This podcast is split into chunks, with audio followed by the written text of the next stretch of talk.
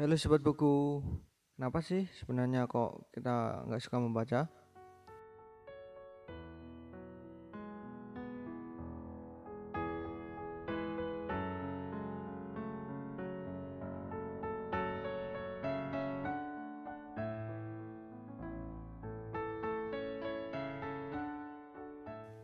Nah, ini pertanyaan yang sama dengan pertanyaan episode pengenalan kemarin tentang podcast kita. Ini adalah pertanyaan dasar keresahan kami membuat podcast ini. Kita akan bahas secara mendalam di sini. Saya Bara, Dan saya Sabta. kembali lagi dengan podcast ceritanya, Ceritanya dari, dari buku. buku. Gini nih, kita mulai dari mana ya Mas Sabta diskusi kali ini? Ini ini bukan podcast yang jenisnya interview untuk sekarang di episode Iya. ini, tapi kita cuma cuma diskusi lah, Ngobrol-ngobrol intinya. ngobrol-ngobrol. Jadi nanti kalau simpang siur ya mohon maaf. siapa yang tanya, siapa yang jawab. Ya itulah diskusi. Ya gini saja. Ini berawal dari kesamaan kita ya Mas Sabta. Iya, betul sekali. kalau kita membaca buku itu susah karena di awal perkenalannya kita dengan buku kita diperkenalkan dengan cara yang tidak baik. Kalau ibarat kita dengan kalau sama cewek itu yang mengenalkan itu yang First impressionnya. Ya, yang mengenalkan itu membawa cewek itu yang mengenalkan cewek cewek ini buku ya Mas Sabta Iya. itu ceweknya sama temennya cowok jadi kalau ada orang yang mengenalkan cewek tapi yang cewek itu bawa temennya cowok gitu Oh. jadi kayak ada yang ganjel gitu loh mas Sabta Oh iya iya jadi iya. Temannya cowok ini yang aku maksudkan adalah PR Iya iya iya. jadi gu- kalau yang mengenalkan saya dan Mas Sabta ini sama yaitu guru. Sama-sama mengenalkan dengan bawah PR jadi agak susah. Nah kira-kira kenapa sih selain eh, permasalahan itu permasalahan kita yang sama ini kok kita Oke. masih nggak suka baca buku Mas Sabta? Kira-kira ada datanya? Mana Oh iya, mungkin kita menyinggung yang kemarin dulu ya yang terkait penelitian PISA itu ya, Bara. oke oke Oke, eh, kalau kemarin kan kita udah kita bahas nih bahwa kita masuk termasuk dalam peringkat bawah dalam penelitian yang diluncurkan oleh PISA tahun 2018 di peringkat 72 dari 77 negara. Ternyata PISA itu mengukur di pertama literasi sains, Hmm, matematika dan membaca bara. Begitu. Nah, berita ini pun sudah eh, sedang gencar-gencarnya digodok oleh Mas Nadim, menteri baru kita menteri baru kita yang kekinian itu. benar itu aku punya harapan besar ke dia Mas Oh iya iya, benar. Eh, Nadim ini diskusi dengan Pak Totok Supriyatno, yaitu Kepala Badan Pendidikan dan Pengembangan Kemendikbud.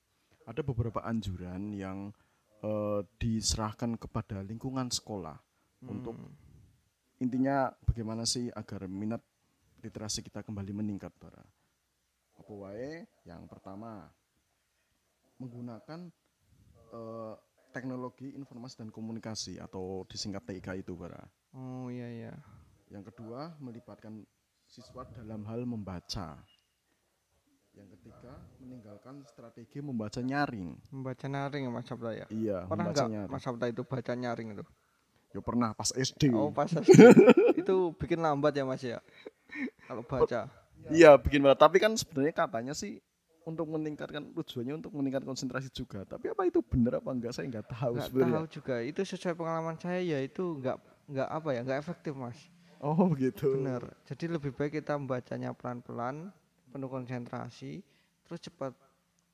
Nggak lama. Soalnya kan kemampuan kita berpikir itu lebih cepat daripada kita ngomong. Oh iya iya sepakat sepakat betul itu. Terus selanjutnya nih bara eh, membudayakan merangkum, Merangkum. bukan menyalin. Wah, ini yang kayaknya bagus Mas Sabta. Iya. Soalnya ini menuntut siswa bisa ber- berkesimpulan lah.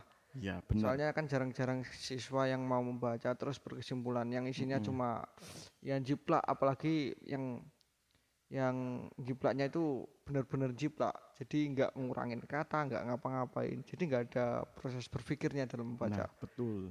Yang jelas siswa diajak tuh memahami bacaan bara Oh iya. iya benar. berpikir lebih nanti kita bahas juga kan ini ya Ya, pasti. Nah, terkait eh, nanti dibahas lebih lanjut terkait bagaimana kemampuan membaca meningkatkan kemampuan membaca terus yang keti- yang kelima memperkaya jenis bacaan siswa Betul. terus yang terakhir menumbuhkan kebiasaan membaca saat waktu luang Wah, begitu bara yang dianjurkan oleh kepala Badan Penelitian dan Pengembangan Kemendikbud. Piye menurutmu iki? saya sih sangat setuju mas. Soalnya ya keempat karo enggak lima itu tadi dari enam poin yang dianjurkan Pak Tito, Pak Toto, Pak Toto itu tadi guna mengembangkan pendidikan itu keempat atau enggak limanya dari enam itu fokusnya ke membaca mas Sabta. Lima malah bara. Lima ya? Iya lima. Soalnya ya ini memang kuncinya dalam pendidikan itu ya membaca. Benar. Karena modal awalnya pendidikan itu rasa ingin tahu kan ya. Betul. Nah, yang kedua rasa ingin tahu itu pasti akan di- menuntut untuk membaca atau enggak mencari tahu dengan cara membaca. Oke. Oke lanjut bara. Tadi kan sempat disinggung nih terkait eh, membaca nyaring. Membaca nyaring. Oh iya. Benar. Gimana? Apakah itu berpengaruh terhadap eh, Nah, konteks pemahaman?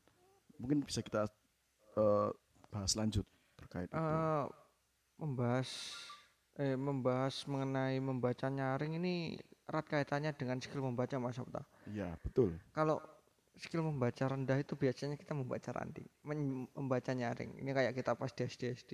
Kita kan pas kuliah nggak nggak membaca nyaring lagi. Di di di kaplok temen nanti kalau kita bacanya nyaring nyaring. Mengganggu ya. mengganggu, mengganggu sekali. kondusi, kondusivitas. Nah, Pemenang nek sesuai uas. bener. Ruwet meneh kuwi. Iya, betul sekali Mas Sabta. Ini ini saya melakukan sedikit riset kecil-kecilan lah via via internet dan saya dari berbagai sumber menyimpulkan Se se valid ora kuwi sumbere. su- valid dong Mas Sabta. Soalnya Oke. ini dipikir-pikir pakai apa ya, dipakai otak dan sesuai pengalaman saya. Dan mungkin pengalaman Mas Sabta ini agak singgung menyinggung. Oke, nanti barangkali bisa nih dikasih rekomendasi buat sobat buku. Eh, referensi internet mana saja ya mungkin Ya, bisa kita rekomendasikan ya. ya betul. Ah, Oke lanjut. permasalahan membaca itu sebenarnya kebanyakan dari kita itu tidak memiliki skill dalam membaca. Jadi ini sedikit, sedikit paradok Mas Sabta. Kita membaca tapi kita nggak punya skill membaca. Jadinya kita nggak jadi membaca. Podo wae podo wae mangan tapi ora mangan. Lah yo, Lah piye ayo rada mumet Mas Sabta. Permasalahan kemampuan membaca ini banyak banyak faktornya Mas Sabta. Tapi yang paling kita yang pertama yang perlu kita lakukan kalau kita membaca itu perlu ada tujuan. Tujuan. Jadi apa-apa itu kan cuma dilakukan karena tujuan kan Mas Sabta. Soalnya kalau Ya. nggak ada tujuan kita pasti akan terhenti di tengah jalan atau gimana. Oke. Yang kedua itu kalau membaca buku itu kita fokuslah ke argumen utama dan buktinya. Masalah detail-detailnya itu urusan belakangan atau bahkan ya mungkin bisa kita baca sedikit. Mm-mm. Nah, ini kait ini ini hubungannya sama membaca non fiksi Mas Sabta. Oke, non fiksi ya. Ya, Oke. membaca non fiksi itu nggak perlu kita membaca seluruh bukunya kayak novel. Jadi halaman pertama sampai halaman terakhir kita baca tuntas. nggak begitu membaca non fiksi itu. Nah meskipun non fiksi ini tergantung juga ya Mas Sabta, tapi Iya. kebanyakan dari non fiksi itu dalam menyusun tiap halamannya itu terstruktur. Jadi ini sangat memudahkan bagi pembacanya kalau kita sebenarnya mau cari apa di buku ini. Jadi erat kaitannya sama iya. kita membaca perlu tujuan tadi. Nah Cara mengetahuinya, cara mengetahui apa ya Sabta?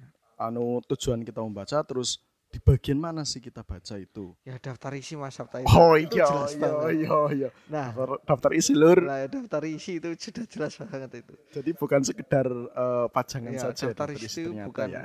Sekedar pasangan, pajangan.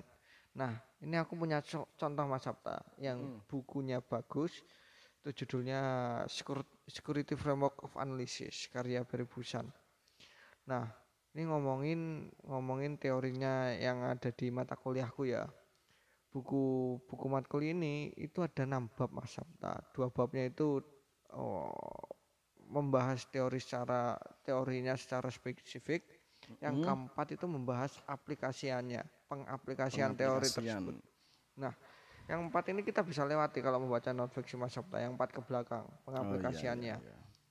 soalnya kita fokusnya saja itu harus ke argumen utamanya Oke, oke. soalnya oke. kita kalau belajar itu cuma butuh itunya Oh iya. Nah, kecuali kalau kita mau mengaplikasikannya kalau kayak buat Mm-mm. penelitian atau buat tulisan mengenai isu spesifik yang menyinggung teori tersebut. Jadi kita harus lihat aplikasikannya. Oh, Itu kan iya. kita bisa baca selanjutnya kalau kita menulis. Iya, itu se- seperti how to-nya ya. Ya, hutunya. Heeh. Nah, kalau membaca bukunya sendiri buku tersebut itu kan ya cuma sampai dua bab aja cukup.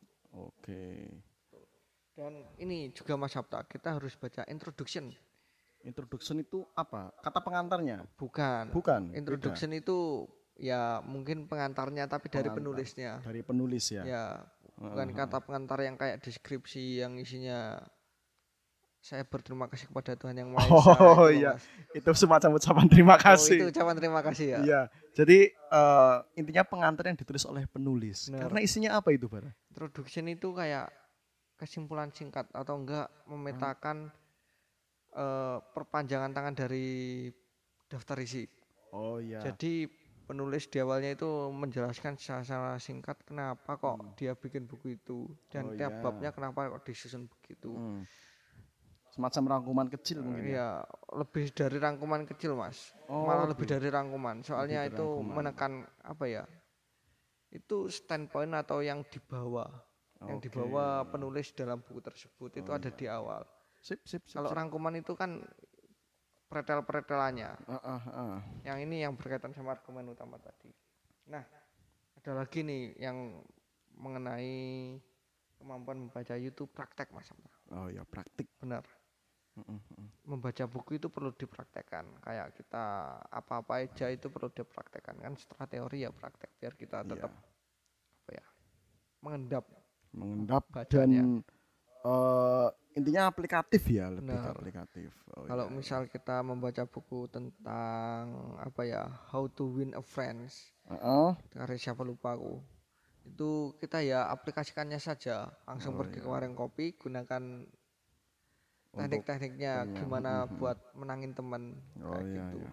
kalau enggak itu buku yang apa ya yang kemarin ini sampai sekarang saya lihat di Gramedia itu posisi pertama Mas Sabta Apa itu? Eh, seni dalam bersikap bodoh amat Oh iya Nah, iya. itu seng- Heeh. itu harus diaplikasikan Iya iya. kenapa kamu baca itu kalau enggak diaplikasikan gitu Iya kan benar. soalnya Seni, seni dalam bersikap bodoh amat, seni dalam berbicara juga ada ya, lagi boomingnya di Gramedia, Iya. benar. tujuannya awal kamu kan kalau membaca seni dalam bersikap bodoh amat itu kan biar Mm-mm.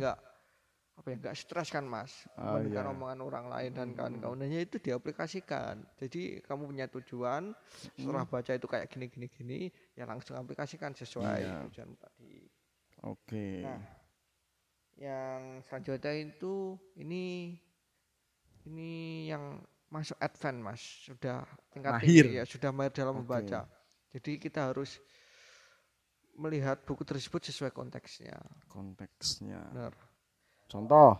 contohnya kayak buku Interpretation of Dream karyanya Sigmund Freud Oke. Nah, buku ini kan ditulis di abad 18 di Mm-mm, mana kajian tentang mimpi mimpi ya. pas kita tidur itu Mas Sabta itu nggak ada bahkan Mm, mm. mimpi pas kita tidur itu erat kaitannya disangkut pautkan dengan hal-hal mistis Oh, kejawen gitu ya Ya. mungkin ya. bisa kejawen bisa tergantung kalau di tergantung. di mana-mana itu kan biasanya aku habis mimpi dengan ini dia bilangnya gini gini gini gini gini Ah, ah, bisa kan itu kayak gitu kalau di kejawen sendiri itu ada contoh yang menarik itu kalau kamu mimpi nikah itu pasti kamu bukan dapat akan Jodoh. dapat peristiwa yang baik atau Oh, jodoh iya.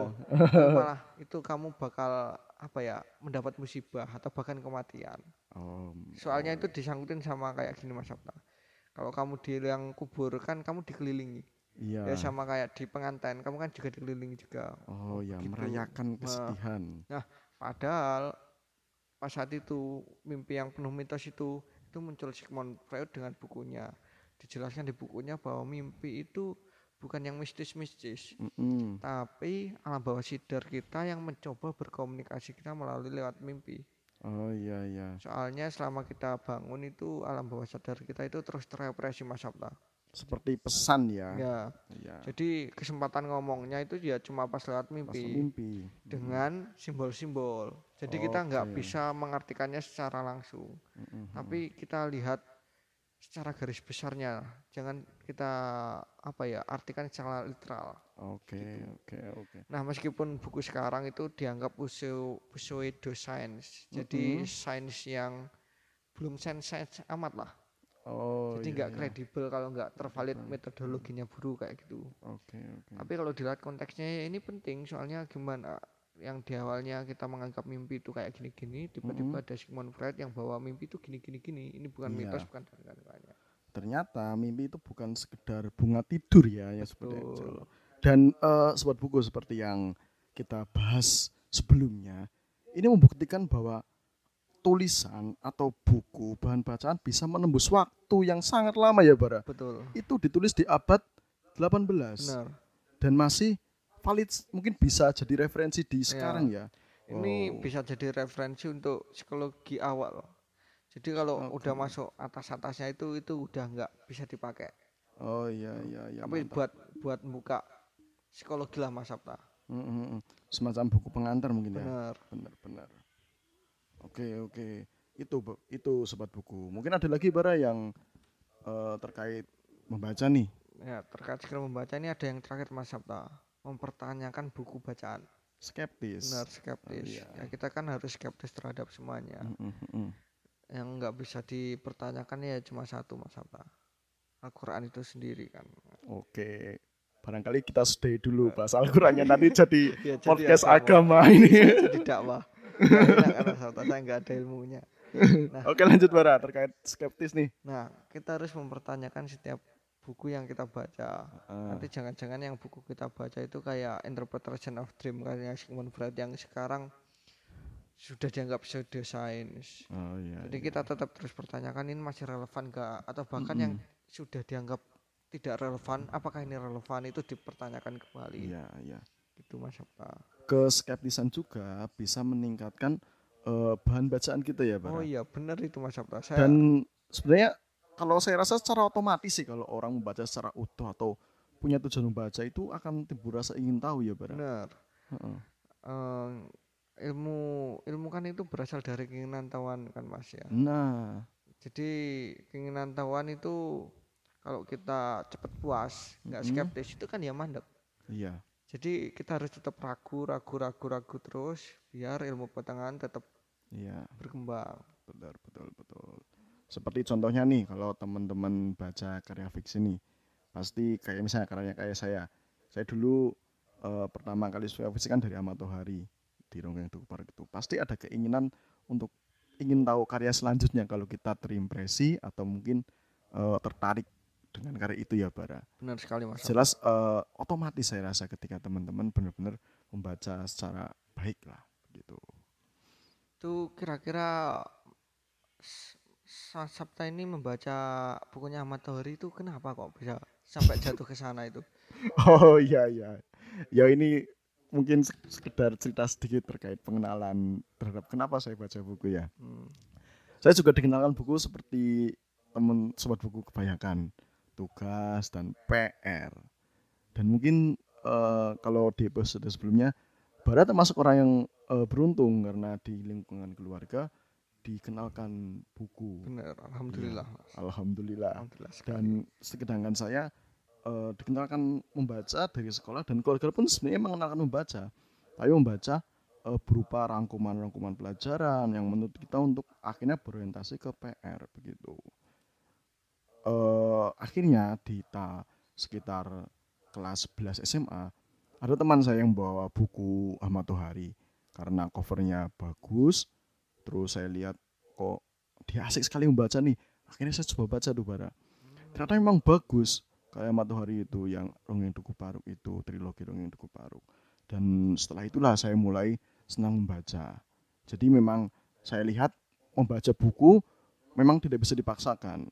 Tapi memang harus di- diawali dari eh, buku yang kita suka mungkin begitu agar kita lebih senang lagi. Oh, ya benar. dan memang imbasnya bagi saya itu benar-benar meningkatkan eh, minat baca saya bara hingga sekarang gitu Untung saja Ma- Mas Sabta ini cocok dengan bukunya Ahmad Tohari Mas ya. langgih itu Kalau nggak cocok kan susah. Soalnya Iya. kan kalau kita awal ketemu dengan buku yang asing itu kan Mm-mm. bisa cocok bisa enggak. iya Tapi pe- perihal cocok dan enggaknya itu kan kita bisa memaksakan dan tetap kita harus terus cari kan Mas Sabta. iya itu benar Ibaratin temen kalau kita kenalan dengan teman A, mungkin awalnya nggak cocok. Terus kita kenalan lagi dengan teman B, itu masih nggak cocok. Pas di teman C itu cocok dan cocok banget. dan sesuai bersahabat Iya, benar. bisa jadi sahabat malahan Mas Sabta. iya.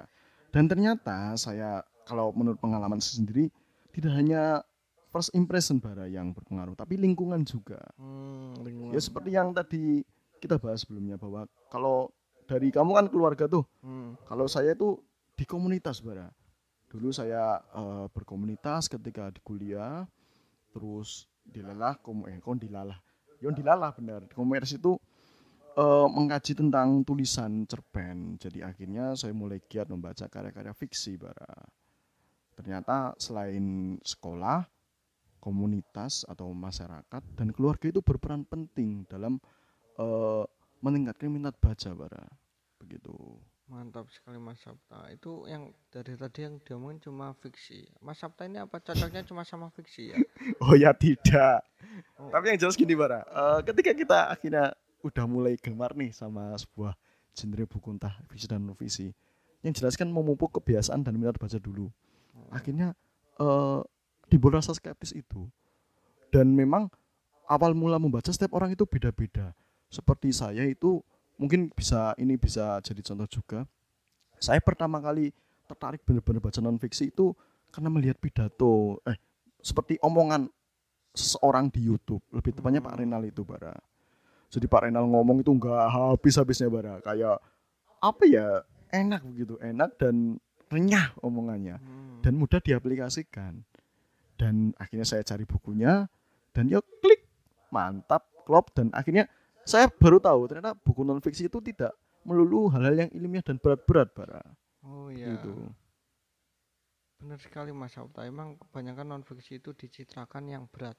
iya Kayak buku pelajaran. Padahal buku Heeh. pelajaran dan buku non fiksi terutama Mm-mm. bukunya Renaldi Pak Bapak Renaldi Kasali itu jauh. Mungkin Iya. itu bisa jadikan buku pelajaran tapi itu lebih nikmat daripada buku pelajaran iya kebanyakan. lebih enak Benar. Asiknya lagi seperti yang diutarakan Barat tadi nih kebanyakan di buku Renal itu eh, langsung ada tips-tipsnya cara mempraktikannya gitu Hmm. dan memang eh, setelah kita membaca baiknya ya kita selain kita endapkan ya bara dipahami kalau memang itu buku sebuah how to itu langsung dipraktikkan bener Wow. Benar mantap sekali.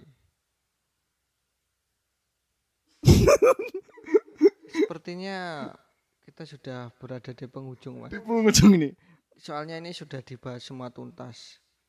Jadi kita berawal dari itu bu- eh, diskusinya Pak Nadim sama Pak Toto. Ada Iya. yang limanya konsentrasinya membaca oke dan ternyata membaca itu nggak gampang. Soalnya ada benar. ada kendala-kendalanya, terutama Iya. perihal kemampuan membaca yang sudah saya aku singgung tadi. Ada Nah. beberapa kunci-kuncinya. Begitu Mas Sabta. Nah, mungkin ke depannya eh, seperti yang kita janjikan di awal bahwa kita akan memberikan tips bagaimana sih cara menikmati buku senikmat menikmati secangkir kopi dan ke depannya kita nih akan menyapa sobat buku untuk memberikan tips-tips mungkin bara. Benar. kita undang nanti pakar literasi kita. Hmm. gimana sih cara enak membaca buku non fiksi gimana enak bu- baca buku fiksi begitu bara? Ya, dan tidak menutup kemungkinan jika teman-teman sobat buku nih eh, kira-kira pengen bukunya dibahas atau pengen membahas ada buku nih yang ingin kita bahas pengen dibahas cerita di buku bisa direkomendasikan bara. Nah, bisa ya itu ya? Siapa tahu ada dari teman kita yang bisa jadi narasumber atau di antara kita yang sudah kebetulan membaca buku tersebut nah dan kita bahas betul. di sini. iya yang jelas kita terbuka lah karena memang ini baru ngawali jadi ayo kita dukung bersama pembudayaan baca Membaca. ini ya bara Benar. membaca Ya, ya udah mari kita gini aja Mas Sabta. Mari kita kurangi bermain sosmed. Ini juga sosmed Ya ya benar. iya Podcast itu salah satu sosmed. Spotify, Google Podcast itu ya maka dengan begitu kita sesuai yang kita ngomongin kita harus mempraktekkan. iya Kita betul. makanya sobat buku harus segera nutup ini karena ini kan Iya. udah mau selesai. oke dan buka bukunya yang sudah mau dibaca. Jangan lupa tujuan buku, tujuan membaca buku tersebut apa ya. Dan Iya. terapkan tips-tips dari kita. oke Ya udah. Bye bye sobat buku. dadah sobat buku dan salam literasi Salam literasi.